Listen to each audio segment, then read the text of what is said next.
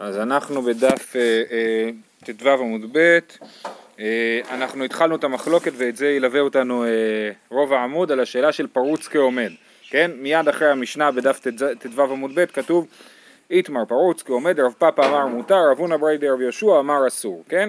האם פרוץ כעומד כאשר יש מחיצה שהיא כמות, ה, כמות האוויר היא בדיוק 50% במקביל לכמות הקיר אז אה, האם זה נחשב למחיצה או לא נחשב למחיצה.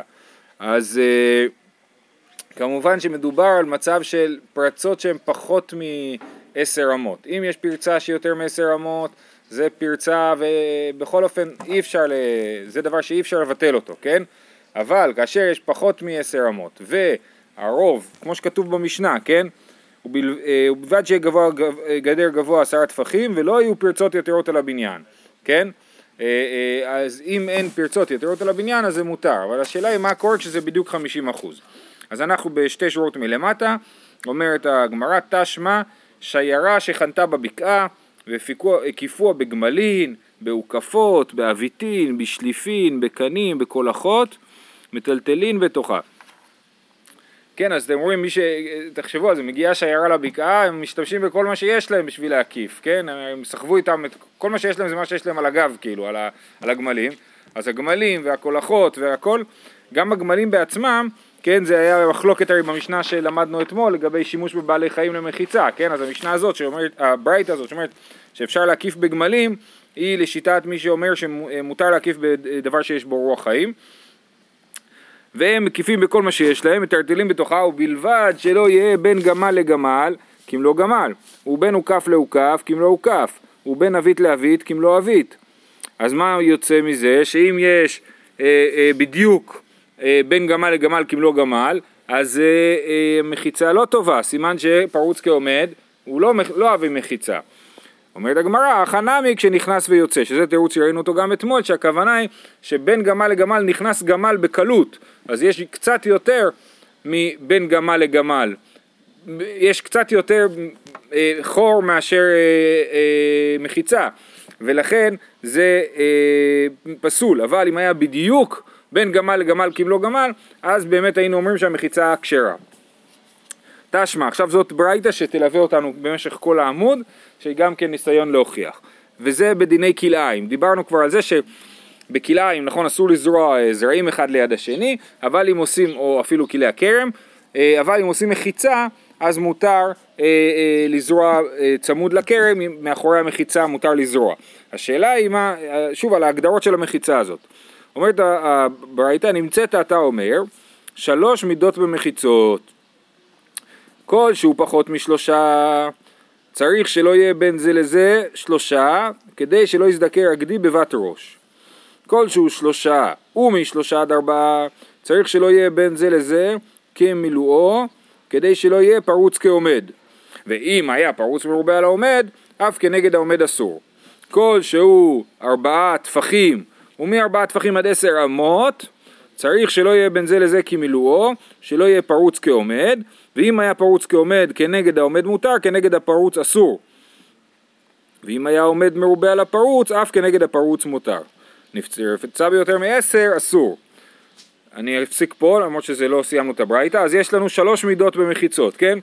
אם הרווחים הם פחות משלושה טפחים, כדי שלא יזדקר הגדי בבת ראש, זאת אומרת שהגדי לא יכול להכניס את הראש בין, ברווח הזה שבין אה, עמוד לעמוד, אז זה אה, מחיצה כשרה לבוד ומחיצה כשרה. משלושה, שימו לב שגם שלושה, ברגע שיש שלושה טפחים כבר אין לבוד, כן? אז זה רק עד שלושה ולא עד בכלל, כן? שלושה טפחים ומשלושה עד ארבעה צריך שלא יהיה בין זה לזה כמילואו, כדי שלא יהיה פרוץ כעומד. זאת אומרת, ברגע שאין לבוד, אז אה, אה, אז אנחנו אומרים שהחלל, הרווח הוא באמת רווח, ואז הדרך להגיד שיש פה מחיצה שלמה זה להגיד שיש, שאין, אה, שיש יותר עומד מאשר פרוץ, אז זה מחיצה, כן? ו, ופה אתה, אנחנו רואים שהניסוח הוא, הוא בעייתי, כתוב פה צריך שלא יהיה בין זה לזה כמילואו, כדי שלא יהיה פרוץ כעומד, משהו שפרוץ כעומד זה אסור, ואם היה פרוץ מרובה על העומד, אף כנגד העומד אסור.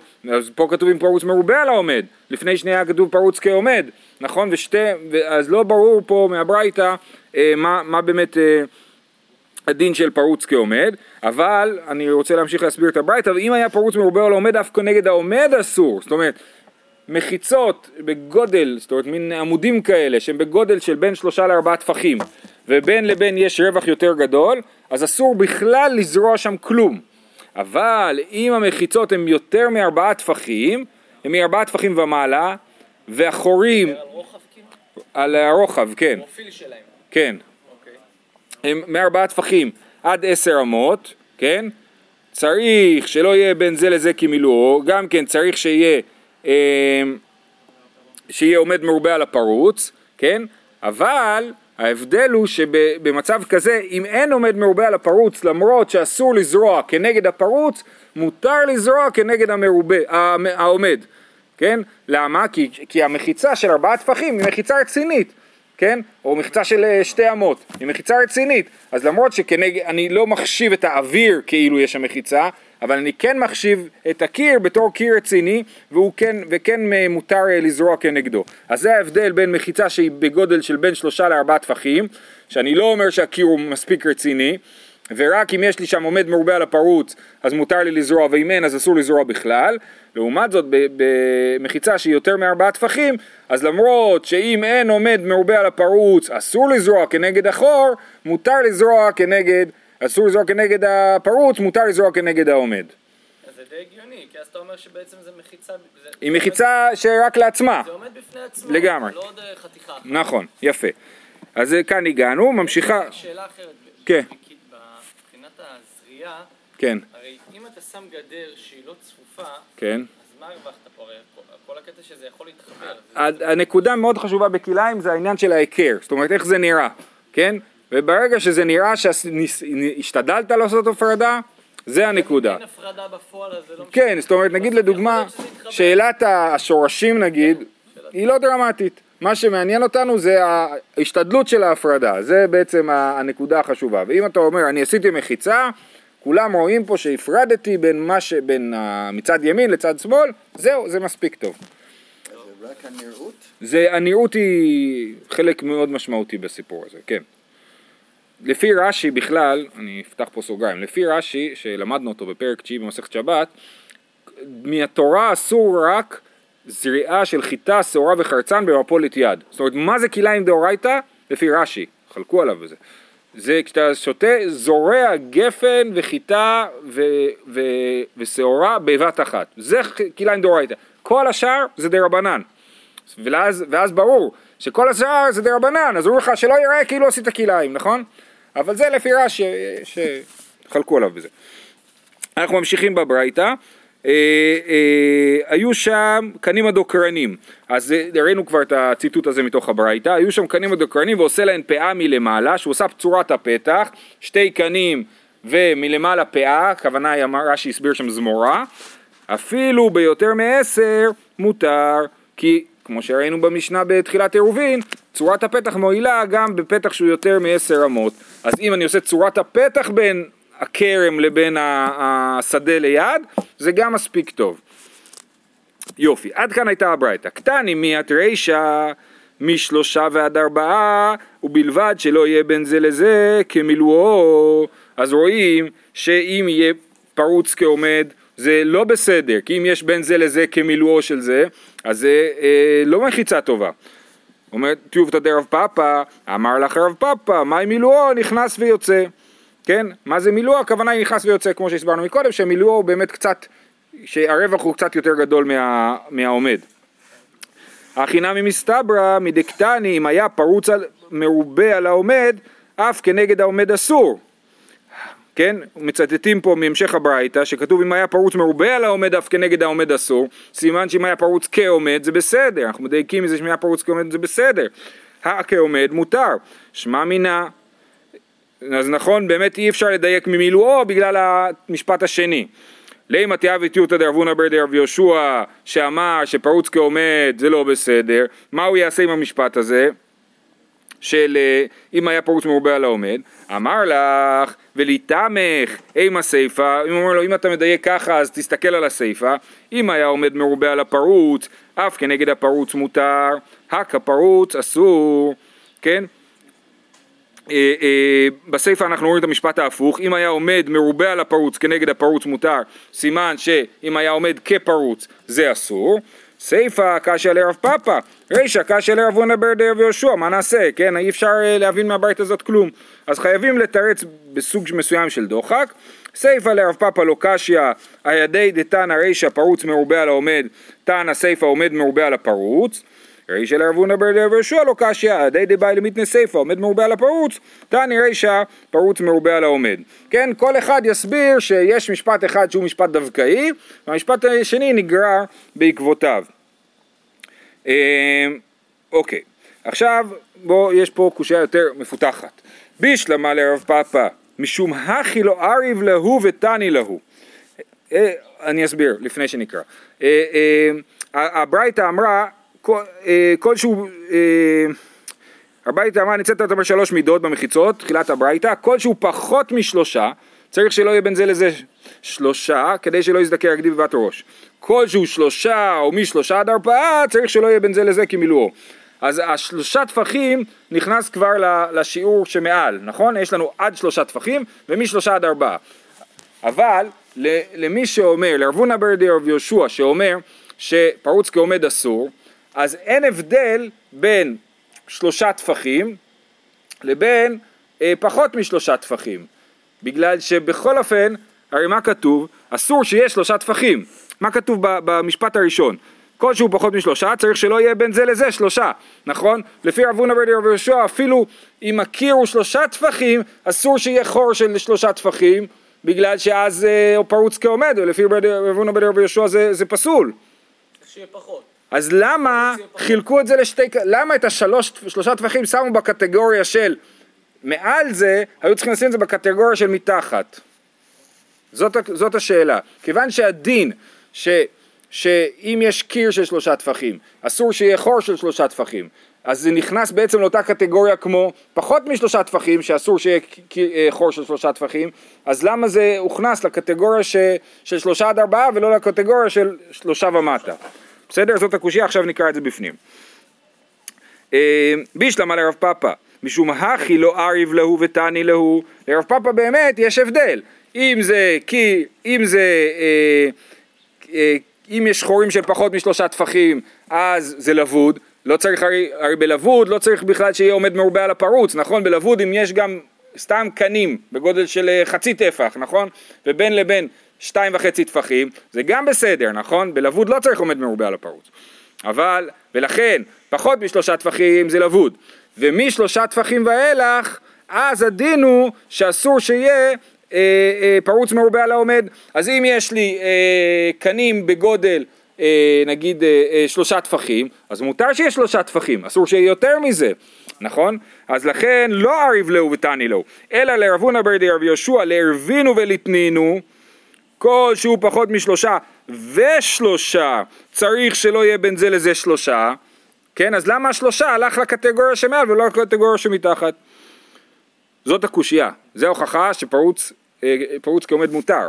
דוחה את זה הגמרא ואומרת, משום דלא דמי פסולה דרישא לפסולה דסייפא. פסולה דרישא כדי שלא יזדקר גדי בבת אחת. פסולה דסייפא שלא יהיה פרוץ כעומד. זאת אומרת לא, יש פה באמת מהותית שתי פסולים שונים. מהותית וגם מעשית.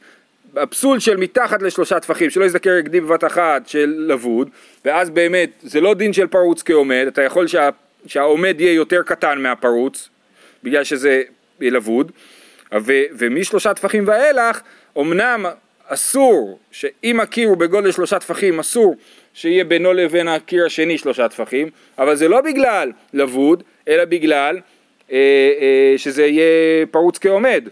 ולכן, אה, ולכן במצב כזה נגיד שאם יהיה אה, קיר, אה, אוקיי, אז, אז, אז, אז מהותית זה אחרת, כן? אלא פסולה דסייפא שלא יהיה פרוץ כעומד, אה, אה, זה, זה הפסול של סייפא. עד שלושה טפחים זה בכלל מדין לבוד, מעל שלושה טפחים זה מדין... משלושה טפחים ומעלה זה מדין פרוץ כעומד, כן. פרוץ כעומד. כן, ש, שזה נכון, שאם התיאור הוא תיאור של קירות של, שכל קיר הוא בגודל שלושה טפחים, אז אסור שיהיה רווח של שלושה טפחים, כאילו כמו לבוד, אבל זה באמת מסיבה אחרת.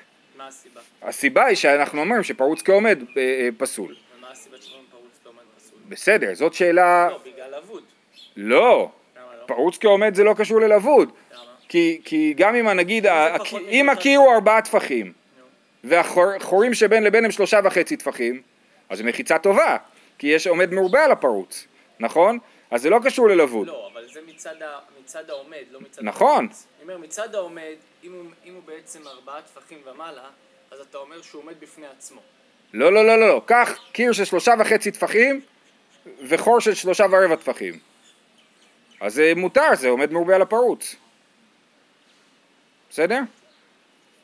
זאת אומרת, לבוד זה סיפור אחד, שבלבוד באמת הקירות יכולים להיות יותר קטנים מהח, מהחללים. אבל, אבל, אה, אבל זה סיפור של עד שלושה טפחים. שלושה טפחים בדיוק, אסור שיהיה שלושה טפחים בין, בין קיר לקיר, בגלל שאז זה עומד כפרוץ. ומעל שלושה טפחים, אז מותר שיהיה שלושה טפחים, כי אם הקירות הם יותר גדולים משלושה טפחים. הלאה. אה, אומרת הגמרא, אה, מאני, פחות משלושה מאני, רבנני.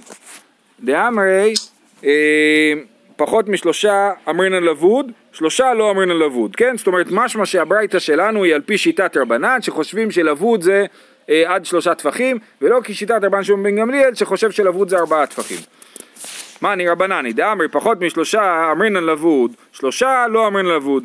אימה סיפה, כלשהו שלושה, ומשלושה עד ארבעה, עתן לרבן שמעון בן גמליאל. זאת אומרת, דאמר פחות מארבעה לבוד. דאי רבנן, משלושה ועד ארבעה, שלושה וארבעה חדו. הגמרא מקשה, לכאורה, לפי שיטת רבנן, אין, אה, אין הבדל בין שלושה טפחים לבין ארבעה טפחים, נכון? זאת אומרת, רבן שמעון גמליאל אה, אה, חושב שלבוד זה עד ארבעה טפחים. אז לכן ארבעה טפחים זה, ארבעה טפחים, יהיה הבדל בין ארבעה טפחים לפחות מארבעה טפחים, נכון? כי פחות מארבעה טפחים זה לבוד, יותר מארבעה טפחים, ארבעה טפחים ומעלה זה לא לבוד. אבל לחכמים לא אמור להיות להם חילוק בין פחות מארבעה טפחים לארבעה טפחים. זה אותו דבר מבחינתם, כי אין להם לבוד, כן? אה, שאלה שנייה על הלבוד. הלבוד בעצם, אם זה פחות מארבעה טפחים, לא משנה, כן. לפי הדעות השונות, אז זה, זה לא משנה כמה חתיכות אני עושה ביניהם, זאת אומרת, אני יכול לעשות כאילו מקל דק. כן, כן, במשנה הבאה אנחנו נראה. אנחנו, את כל, ה, כל הלבוד. נכון, אנחנו עושים את זה גם בסוכה. בסוכה ב- נכון, אנחנו נראה את זה ב- במשנה הבאה. לא, אני אומר, השאלה אם אין איזשהו, לא צריך איזושהי חתיכה יותר... חתיכה ראויה להתכבד. לא. תסתכל, מה שחכה למשנה הבאה. אה, אה, אז אני אומר לך, עתן לרבן שמעון בן גמליאל, דאמר פחות מארבעה על אבוד. דאי רבנן, משלושה ועד ארבעה, אה, שלושה וארבעה חדו. אמר אביי, מדרישא רבנן, סיפא נער מרבנן, ומודו רבנן, דכל למישרא כנגדו אי איכא מקום ארבעה חשיב, ואי לא, לא חשיב. אביי אומר, לא, לא, אתה אל תעשה בלאגן. אם הרישא היא שיטת רבנן, אז גם הסיפא היא שיטת רבנן. אבל, אז למה לרבנן יש הבדל בין פחות מארבעה לארבעה? הרי אין להם דין לבוד בגדלים האלה. התשובה היא בגלל שאנחנו בפני עצמו. אומר, אמנם לבוד אין להם, אבל ארבעה טפחים כן משמעותיים מבחינתם להגדיר מקום כמקום חשוב. אז לכן אנחנו אומרים שעד פח, פחות מארבעה טפחים, הקיר בעצמו הוא לא חשוב, ולכן אסור לזרוע כנגד הקיר, אם יש פרוץ מרובה על העומד. מארבעה טפחים ומעלה, המקום הוא מקום חשוב. אפשר לזרוע דווקא מולו. נכון. פרוץ ב... נכון. עכשיו, רבא חולק על זה ואומר הפוך. רבא אמר, מדסייפר רבן שמעון בן גמליאל, רישא נמי רבן שמעון בן גמליאל. וכי אמר רבן שמעון בן גמליאל, אמרינן לבוד, הנה מילי למעלה, אבל למטה אביה לי כמחיצה שהגדיים בוקעים בה, לא אמרינן לבוד. אז יש פה כמה חידושים, כן? אחד זה שרבא אומר שהדין של רבן שמעון גמליאל אומר שאין לבוד ב... ש... סליחה, שיש לבוד עד ארבעה טפחים, זה נכון למעלה, בקורה, כשאמרנו על הרווח בין הקורה לבין הקיר, אבל, כש... אה, אבל אה, על הרצפה, הגדי שמכניס את הראש שלו בין שני העמודים מבטל כאילו ברמה המעשית את הלבוד. זאת אומרת, אתה רואה שהוא מכניס את הראש שלו, אתה רואה שהגדי יכול לעבור פה, לכן אתה לא יכול להגיד שיש פה לבוד, כן? כאילו הגדי...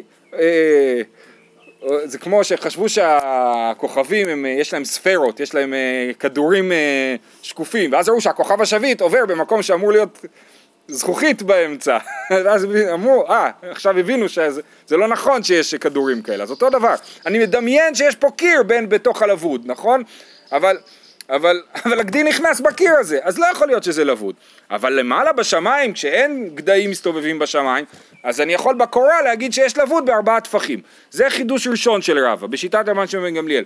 חידוש שני של רבא שהוא אומר לא כמו אביי, אביי אמר למרות שחכמים חושבים שלבוד זה שלושה טפחים, מקום חשוב זה ארבעה טפחים. רבא לא, לא מקבל את זה, הוא אומר כל הברייתא הזאת היא לשיטת רבן שמעון בן גמליאל, שחושב שארבע זה חשוב, כן?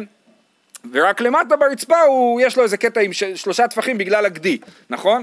אבל, אבל, אבל באמת חכמים חושבים ששלושה טפחים זה מקום חשוב, לכן הם חושבים שלבוד זה עד שלושה טפחים, ולכן כל הברייתא הזאת היא אליבא דרבן שמעון גמליאל ולא אליבא דחכמים. בסדר? ככה אה, אה, אומר רבא. אה, אוקיי, זהו, זה היה דיון מקומי על הדרך, בגלל שהביאו את הברייתא הזאת אז דנו בזה, זה לא היה שייך לסוגיה הגדולה שאנחנו עוסקים בה. אני מזכיר שאנחנו עוסקים בסוגיית פרוץ כעומד, ובסופו של דבר מהברייתא הזאת לא הצלחנו להוכיח מה ההלכה. עכשיו ההוכחה האחרונה, תשמע, דפנות הללו שרובן פתחים וחלונות מותר, ובלבד שיהיה עומד מרובה על הפרוץ, ראינו את הברייתא הזאת כבר, אה, וראינו שהיא בעייתית, איך יכול להיות שרובן פתחים בחלונות ובלבד שיהיה עומד מרובה על הפרוץ? אומרת הגמרא שרובן סלקא דייתך, אלא שריבה בהן פתחים וחלונות, אז זה עשה על הקיר הוא ריבה בו פתחים וחלונות, מותר ובלבד שיהיה עומד מרובה על הפרוץ. אני מדייק מזה, ה כפרוץ, אם יש עומד כפרוץ אסור. טיובתא דרב פאפא טיובתא. ו... הלכתא כבדי דרב פאפא, פעם שנייה שזה קורה לנו במסכת הזאת, שאנחנו אומרים טיובתא והלכתא, אומרת הגמרא טיובתא והלכתא, איך זה יכול להיות שיש עליו קושייה מצד אחד והלכה כמותו מצד שני? אין, משום דדייקה מתניתין כבתי, במשנה שלנו שבדף ט"ו עמוד ב' אמרנו בלבד שיהיה, אה, ש... ולא יהיו פרצות יתרות על הבניין והגמרא כבר אמרה שזה כשיטת רב פאפה שלא יהיו פרצות יתרות על הבניין אבל אם הפרצות כבניין אז זה בסדר ואז אמרנו קשיא נכון? כך היה בדף ט"ו עמוד ב' אמרנו אה, אה, הוכחנו ש, שזה, שהמשנה היא כשיטת רב פאפה ואמרנו קשיא הקשיא זה היה נשמע כאילו לא רציני, נכון? בניגוד לטיובתא. אבל אומרים מה, תכלס בסופו של דבר יש לך פה משנה שמסתדרת לרב פאפה וברייתא שמסתדרת לרב הונא ברדי רב יהושע. אנחנו הולכים למשנה אז לכן אומרים טיובתא והלכתא אין. משום דדייקה מתניתין כבתי דתנן לא יהיו פרצות יתרות על הבניין הכבניין מותר. אז מה הלכתה כרב פאפה לסיכום? לסיכום הלכתה כרב פאפה שעומד כפרוץ אה, נחשב כעומד. עומד כפרוץ נחשב. נחשב לעומד כן. רק יותר מפרוץ אז נכון, אם הפרוץ מרובה על העומד אז הוא... אז הוא... אם זה אותו דבר אז כן ולא כן, בדיוק. בסדר? קושייה, אה, טיופתא מברייתא וקושייה ממשנה לא אה, לא כן, מפריע. נכון, נכון, מעניין. כן. אוקיי, משנה הבאה. אנחנו עדיין בתוך השיירה הזאתי שאנחנו אה, רצים להקיף אותה. אז מה, היו חכמים וסחבו איתם כמה עמודים וחבלים בשביל להקיף את השיירה. מקיפים שלושה חבלים, זה למעלה מזה, וזה ממש מה שעושים בסוכות. אה, זה למעלה מזה וזה למעלה מזה, ובלבד שלא יהיו בין חבל לחברו שלושה טפחים, שיעור חבלים ועוביין יתר על טפח כדי שיהיה הכל עשרה טפחים. זאת אומרת, לא מספיק לי שיהיה שלושה חוטים דקים, כי אז מה יקרה? אז אני לא אגיע לעשרה טפחים, כי אני צריך שיהיה בין חוט לחוט פחות משלושה טפחים. אז אז פחות משלושה טפחים זה חוט אחד, הוא מגיע כאילו אז עד שלושה, וכל פעם זה, לא, זה מגיע רק לתשעה טפחים, ומחיצה היא גובה עשרה טפחים, אז מה עושים? לוקחים חבלים עבים. לחלופין היה אפשר להציע גם פתרון אחר, שעשו? ארבעה חוטים, כן למה הבעיה להוסיף בעשר? שיוסיפו עוד חוט. כן, נכון, גם זה פתרון. כן. אבל הגמרא מנסה להיות מינימליסטית, היא אומרת לך מה המינימ- המינימום ש, שאפשר לעשות, לעשות...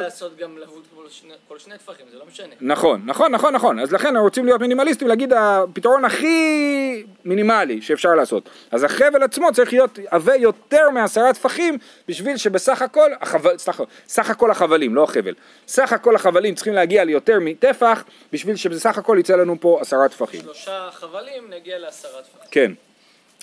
מקריפין בקנים, ובלבד שלא יהיה בין קנה לחברו שלושה טפחים. עוד אופציה זה במקום לעשות חבלים, לעשות קנים.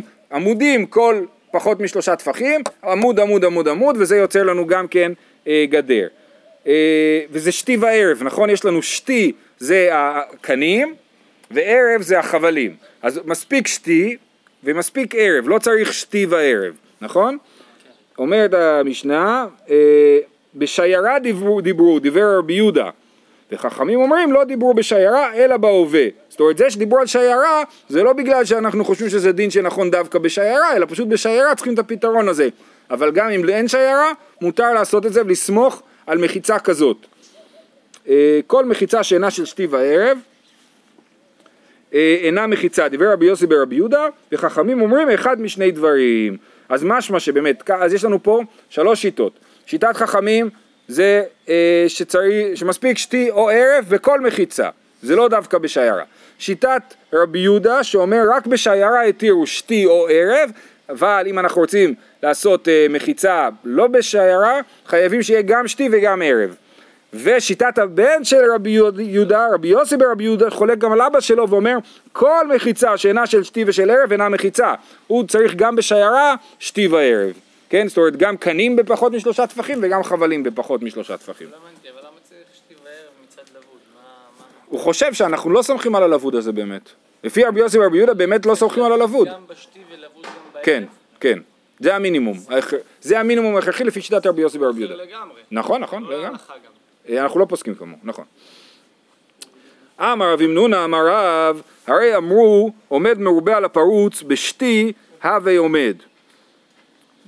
כן? אז יש לנו עומד מרובה על הפרוץ בשתי הווה עומד. זה ראינו במשנה הקודמת, שאם יש לנו עומד מרובה על הפרוץ זה בסדר. אבל מה הדין לעשות את זה בערב, כן? בערב מאי. עכשיו סתם ככה, אתם יודעים איך, איך יודעים שתי וערב מה האורך, מה האורך ומה הרוחב? שתי, זה מהמילה תשתית, כן? איך עושים, איך הורגים? פורסים חבלים לאורך, ואז הערב הוא מתערבב בתוך השתי, כן? אז השתי זה, אז, אז במקרה של ה, שלנו, של הקנים, אז מה שעומד זה השתי, זה התשתית, ועל זה פורסים את הערב, נכון? אז זה מה שאומרים פה. אה, הרי אמרו עומד מרובה על הפרוץ בשתי, בקנים, הווה עומד, במשנה הקודמת, ראינו שעומד מרובה על הפרוץ עובד.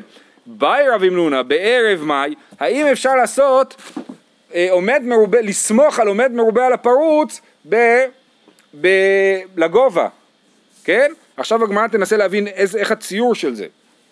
קודם היא תביא הוכחה ואחרי זה היא תבין אה, את הציור. אמר רבי תשמע, שיעור חבלים ועוביין יתר על טפח, שיהיו הכל עשרה טפחים. והיא איתה, אם אתה יכול להגיד עומד מרובה על הפרוץ בגובה, למה לי יתר על טפח? לעביד פחות משלושה וחבל משהו, פחות משלושה וחבל משהו, פחות מארבעה וחבל משהו, וזהו. למה? אם אתה אומר שעומד מרובה על הפרוץ עובד, אז למה אנחנו צריכים אה, אה, שהחבלים יגיעו ל- לעשרה טפחים? נעשה שיש לנו אה, אה, שישה טפחים בלבוד, והטפח העליון, אה, והחלק העליון יהיה חלל של ארבעה טפחים, וזהו, כי ויהיה נגיד שיש לנו שש טפחים עומד, ארבע טפחים פרוץ, וזה עובד. אומרת הגמרא לא נכון, זה לא עובד ככה, תסתכל, זה לא יעבוד במקרה, במקרה הזה בוודאי זה לא יעבוד. ותסברה, היי פחות מארבעה, היכא מוקים לה. אותו, יש לנו פה שני חיילים, יש לנו פה שני חיילים שהם אה, אה, ברווח של פחות משלושה, לבוד, ועוד רווח אחד של פחות מארבעה. איפה תשים אותו? איך המוקים לה? אם מוקים לה תתאי, אם זה הרווח התחתון, מהרצפה עד החבל הראשון יהיה ארבע, ארבעה טפחים פחות משהו, אם מוקים לה תתאי, הווה לי כמחיצה שהגדיים בוקעים בה. אם מוקים לה אילי, אתי אווירא דאי גיסא, ודאי גיסא ומבטי לי. אם זה יהיה למעלה, אז מה יש לך? שישה טפחים, ואז ארבעה טפחים, ואז חוט, נכון? החוט הזה הוא בטל יחסית לאוויר שמשני הצדדים, כי הוא לא לבוד, הוא לא ייצר לנו קיר מדומיין, הוא פשוט חוט. אז הוא בטל, אז יש לנו בעצם מחיצה עד גובה שישה טפחים, אז זה בוודאי לא מועיל. אלא אם הוא קימלה במצאי, אם הוא שם את זה באמצע, את הארבעה טפחים, זה גם לא יעבוד. למה? הווה לי עומד מרובה על הפרוץ משתי רוחות, כי כל חור, החור הוא ארבעה טפחים, כל העומד הוא שלושה טפחים. אז בזה כבר ראינו שיש לנו דיון, האם עומד מרובה על הפרוץ עובד מצד אחד או משתי צדדים, כן? האם אני אומר שכשהפרוץ מרובה על העומד מכל צד אז הוא מבטל את העומד ו- ואנחנו לא יכולים להגיד במצב הזה אה, עומד מרובה על הפרוץ. שמט מינה עומד מרובה על הפרוץ משתי רוחות אבי עומד, אז אם ככה תסיק מזה שעומד מרובה על הפרוץ משתי רוחות אבי עומד, אנחנו לא רוצים להסיק את המסקנה הזאת ולכן כל הציור הזה הוא בכלל לא עובד לנו. עם החבלים ברור שזה לא יעבוד וחייבים אה, אה, עשרה טפחים מלאים בלבוד. אבל, אז על מה הייתה נשאלה השאלה, על, על מה נשאלה השאלה מלכתחילה של אה, אה, רב ימנונה אה, בעומד מרובה על, מה הדין בעומד מרובה על הפרוץ לגובה? אלא רב ימנונה אחי קמי בא אלי, הגמרא אה, הציעה הסבר אה, אה, אוקימתא כזאת, אחי קמי בא אלי, כגון דאייתי מחצלת דאבי שבע ומשהו, וחקק בה שלוש, ושווק בה ארבעה ומשהו, ואוקמי בפחות מגימל. יש ציור בשטיינזלץ, מומלץ להסתכל, זה מחצלת, כן? שיש בה חור. אז נשאר חלק שלם מהמחצלת, ארבע ומשהו. חור של שלושה טפחים, ומתחת לחור יש עוד פס קטן, נכון? אז, והפס הזה עומד, ב, אה, עומד אה, בפחות משלושה טפחים לרצפה. אז יש לי פה גובה של עשרה טפחים, כי המחצלת היא סך הכל שבעה, נכון? ויש לי פה עומד מרובה על הפרוץ, כי החור של ה... יש לי חור של שלושה טפחים שבו אין לבוד, ויש לי עומד מרובה על הפרוץ, ארבעה טפחים הוא יותר גדול מהחור של השלושה טפחים. על המקרה הזה רב ימנונה דיבר, ואי אפשר להוכיח מהמשנה שלנו על הדבר הזה, בגלל שהמשנה שלנו אי אפשר, היא מדברת על חבלים של, של טפח, הסברנו שבכל מקרה צריך את החבלים בעובי טפח. אה, אה, זה אוקימתא אחת לרב ימנונה, אין לנו תשובה, אנחנו רק מנסים להבין על מה הוא שאל את השאלה, כן? אז אוקימתא אחת אמרנו על המחצלת הזאת, רב אשי, אה, רב אשי אמר מחיצה תלויה היא באה אליי, זאת אומרת שיש לי איזשהו אה, קיר שהחלק התחתון שלו פרוץ והחלק העליון שלו עומד, האם שם אני יכול להסתכל על כל הקיר, נגיד קיר בגובה לא יודע מה, שלוש אמות, שיש לי שתי אמות בנויות אבל למטה חלל של אמה. האם אנחנו יכולים להגיד עומד מרובה על הפרוץ בדבר הזה? אה, רב אשי אמר מחיצה תלויה היא באה אלי כדבא מיני רבי טבלה מרב מחיצה תלויה מהו שתתיר בחורבה אמר לי אין מחיצה תלויה מטרת אלא במים קלו שהקלו חכמים במים זאת אומרת אם באמת השאלה שלו הייתה על מחיצה תלויה אנחנו יודעים את התשובה התשובה היא שזה לא עובד רק במים אבל בקרקע זה לא עובד למה? כי בקרקע זה, יש לנו את הרעיון של להקדים מזדקר בבת ראש ומבטל את המחיצה, אוקיי? וזה אה, אה, פוסל את המחיצה. אה, זהו, אנחנו נעצור פה. יום טוב לכולם.